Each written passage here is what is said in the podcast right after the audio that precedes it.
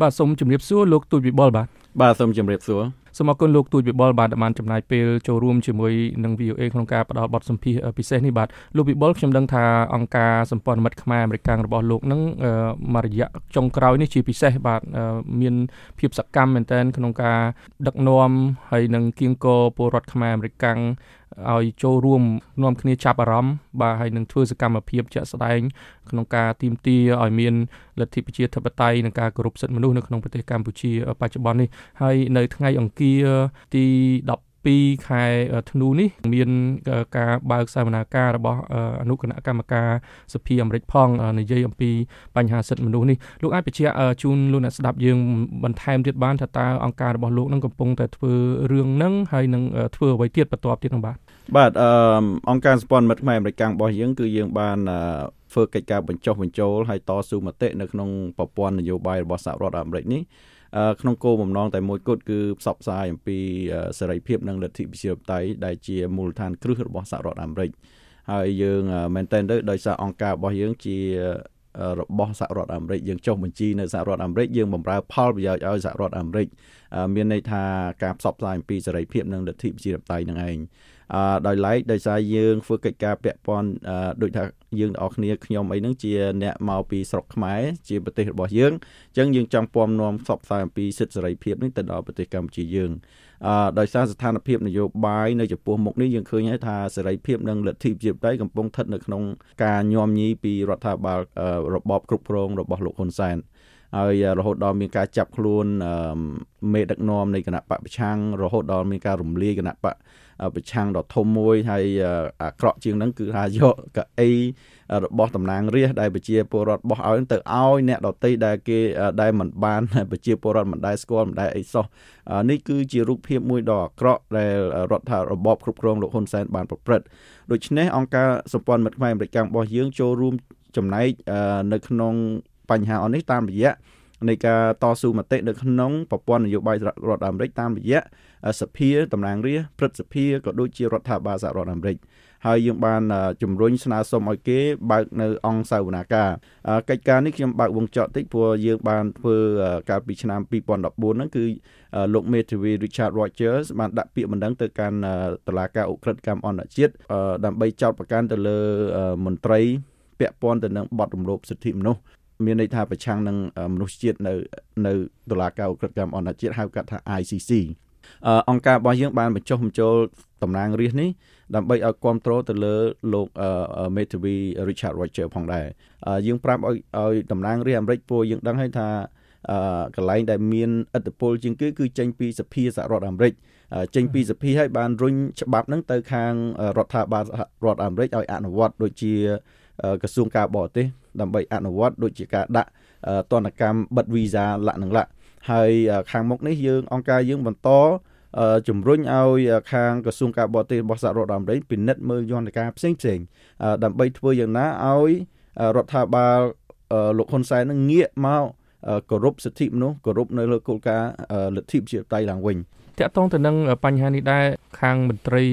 រដ្ឋាភិបាលកម្ពុជាបានលើកឡើងហើយទាំងជាការនិយាយផ្ទាល់មាត់ទាំងការចេញសេចក្តីថ្លែងការណ៍ផ្លូវការទាំងក្រសួងការបរទេសកម្ពុជាផងដែលលើកឡើងថាការដាក់ទណ្ឌកម្មក្តីឬក៏ការទៀមទារបស់ពលរដ្ឋនៅក្រៅប្រទេសហ្នឹងគឺគ្រាន់តែជាការបញ្ចេញមតិ ផ្ទាល់ខ្លួនរបស់ពួកគាត់ហើយនឹងមិនមានអធិបុលអ្វីធ្វើឲ្យមានការផ្លាស់ប្ដូរឬក៏ការដូរគោលនយោបាយ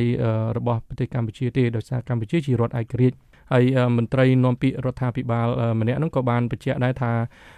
ការទៀមទីរបស់ពលរដ្ឋខ្មែរអាមេរិកកាំងនៅក្រៅប្រទេសនេះគឺមិនត្រឹមតែមិនបានជួយលើកមុខមាត់របស់ប្រទេសកម្ពុជាប៉ុន្តែធ្វើឲ្យអាប់អោនកិត្តិយសមុខមាត់របស់ប្រទេសកម្ពុជាទៅវិញលោកចង់ឆ្លើយតបយ៉ាងម៉េចវិញចំពោះការលើកឡើងនេះបាទ បាទ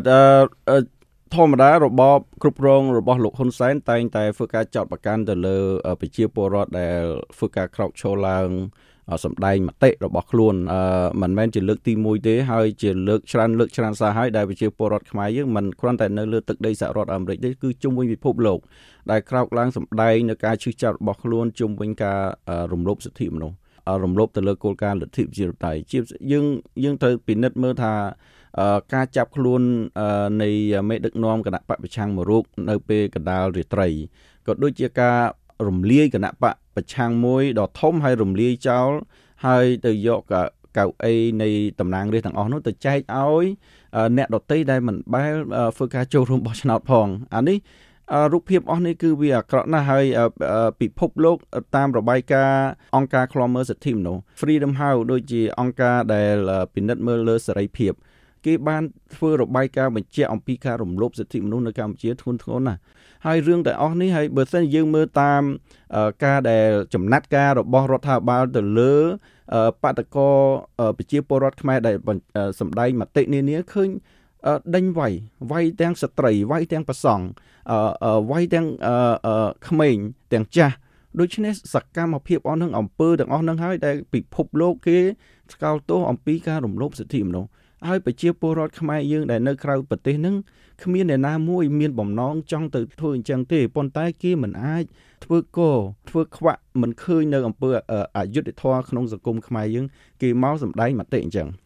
ពាក់ព័ន្ធទៅនឹងការលើកឡើងអំពីឯករាជ្យភាពរបស់ប្រទេសកម្ពុជាប្រកាសណាស់កម្ពុជាឯករាជ្យភាពប៉ុន្តែកម្ពុជាត្រូវការរស់ជាមួយនឹងប្រទេសដែលជាដៃគូដើម្បីធ្វើពាណិជ្ជកម្ម ដើម្បីធ្វើឲ្យសេដ្ឋកិច្ចកម្ពុជានឹងរីកចម្រើនឥឡូវនេះបើសិនជាគាត់នៅតែបន្តអេអ៊ីយ៉ាបតនៃការគៀបសង្កត់ទៅលើសេរីភាពហើយរំលោភទៅលើគោលការណ៍លទ្ធិប្រជាធិបតេយ្យសហរដ្ឋអាមេរិកជាបិតាលទ្ធិប្រជាធិបតេយ្យដូច្នេះគេខ្វាយខ្វល់អំពីសិទ្ធិសេរីភាពលទ្ធិប្រជាធិបតេយ្យអញ្ចឹងអ្វីដែលសហរដ្ឋអាមេរិកគេនឹងបន្តធ្វើ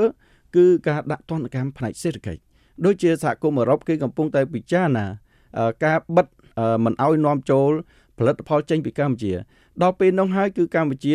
ប្រកាសណាស់កម្ពុជានៅតែឯករាជ្យចឹងកម្ពុជាអត់មានពីណាមួយទៅរំលោភកម្ពុជាទេប៉ុន្តែសេដ្ឋកិច្ចកម្ពុជាមិនអាចនាំចេញមកខាងក្រៅតើនឹងមានរឿងអ្វីកើតមានឡើងនៅក្នុងកម្ពុជាមានន័យថាប្រជាពលរដ្ឋអត់ការងារធ្វើមានន័យថាប្រជាពលរដ្ឋអត់មាន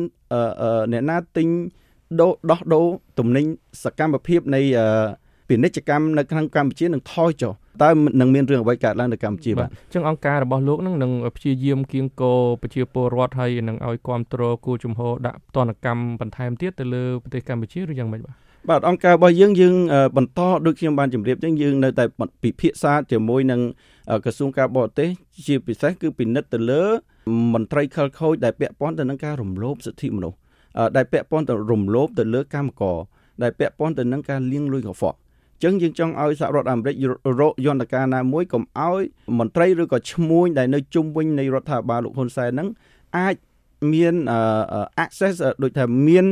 លទ្ធភាពមកចូលមកទីផ្សារសហរដ្ឋអាមេរិក មានន័យថាអាចចេញចូលសហរដ្ឋអាមេរិកអាចផ្ទេរលុយឬក៏បង្វិលលុយបង្វិលកាក់ចូលមកទឹកដីសហរដ្ឋអាមេរិកដើម្បីធ្វើការដោះដូរពាណិជ្ជកម្មដែលតែរឿងទាំងអស់នេះវាពាក់ព័ន្ធនឹងការរំលោភសិទ្ធិមនុស្សពាក់ព័ន្ធនឹងរំលោភសិទ្ធិកម្មករហើយនឹងពាក់ព័ន្ធទៅលើការលាងលុយកខ្វក់របស់មន្ត្រីឈ្មោះទាំងអស់ហ្នឹងអញ្ចឹងយើងពិនិត្យមើលលទ្ធភាពតើសហរដ្ឋអាមេរិកមានយន្តការផ្នែកច្បាប់ណាមួយក្នុងការដាក់ទណ្ឌកម្មសូមខ្ញុំសូមបើកវងកញ្ចក់តិចថា ការដាក់ទណ្ឌកម្មផ្នែកសេដ្ឋកិច្ចឬក៏ដាក់ទណ្ឌកម្មផ្នែកការទូតនានាគឺសំដៅតែទៅលើមន្ត្រីឬក៏ឈ្មួញដែលនៅជុំវិញជួររដ្ឋាភិបាលប្រព្រឹត្តនៅអំពើរំលោភសិទ្ធិកម្មកររំលោភសិទ្ធិមនុស្សហើយនឹងមើងស្រាលទៅដល់គោលការណ៍លទ្ធិប្រជាធិបតេយ្យអញ្ចឹងសូមឲ្យប្រជាពលរដ្ឋខ្មែរកម្មករខ្មែរកុំឲ្យមានអារម្មណ៍ថាការដាក់ទណ្ឌកម្មសេដ្ឋកិច្ចឬក៏ចំណាត់ការណាមួយក្តៅចំពោះរដ្ឋាភិបាលនឹងប៉ះពាល់ដល់ខ្លួន បាទបើសិនជាមានការប៉ះពាល់ក្តីអញ្ចឹងទោះបីយ៉ាងណាក៏ដោយប្រជាពលរដ្ឋខ្មែរត្រូវមានការលះបង់មានន័យថាការលះបង់សុកចិត្តបាត់បង់ការងារមួយផ្លែតប៉ុន្តែយើងត្រូវតែជំរុញឲ្យរដ្ឋាភិបាលនឹងគោរពគោលការណ៍សិទ្ធិមនុស្សនិងគោលការណ៍លទ្ធិប្រជាធិបតេយ្យដើម្បីរយៈពេលយូរអង្វែងរបស់យើងបាទសូមអរគុណលោកវិបុលដែលបានចូលរួមផ្ដល់បទសម្ភាសន៍ដល់ VOA នៅពេលនេះសូមជម្រាបលាតែប៉ុណ្ណេះបាទបាទសូមអរគុណច្រើនបាទ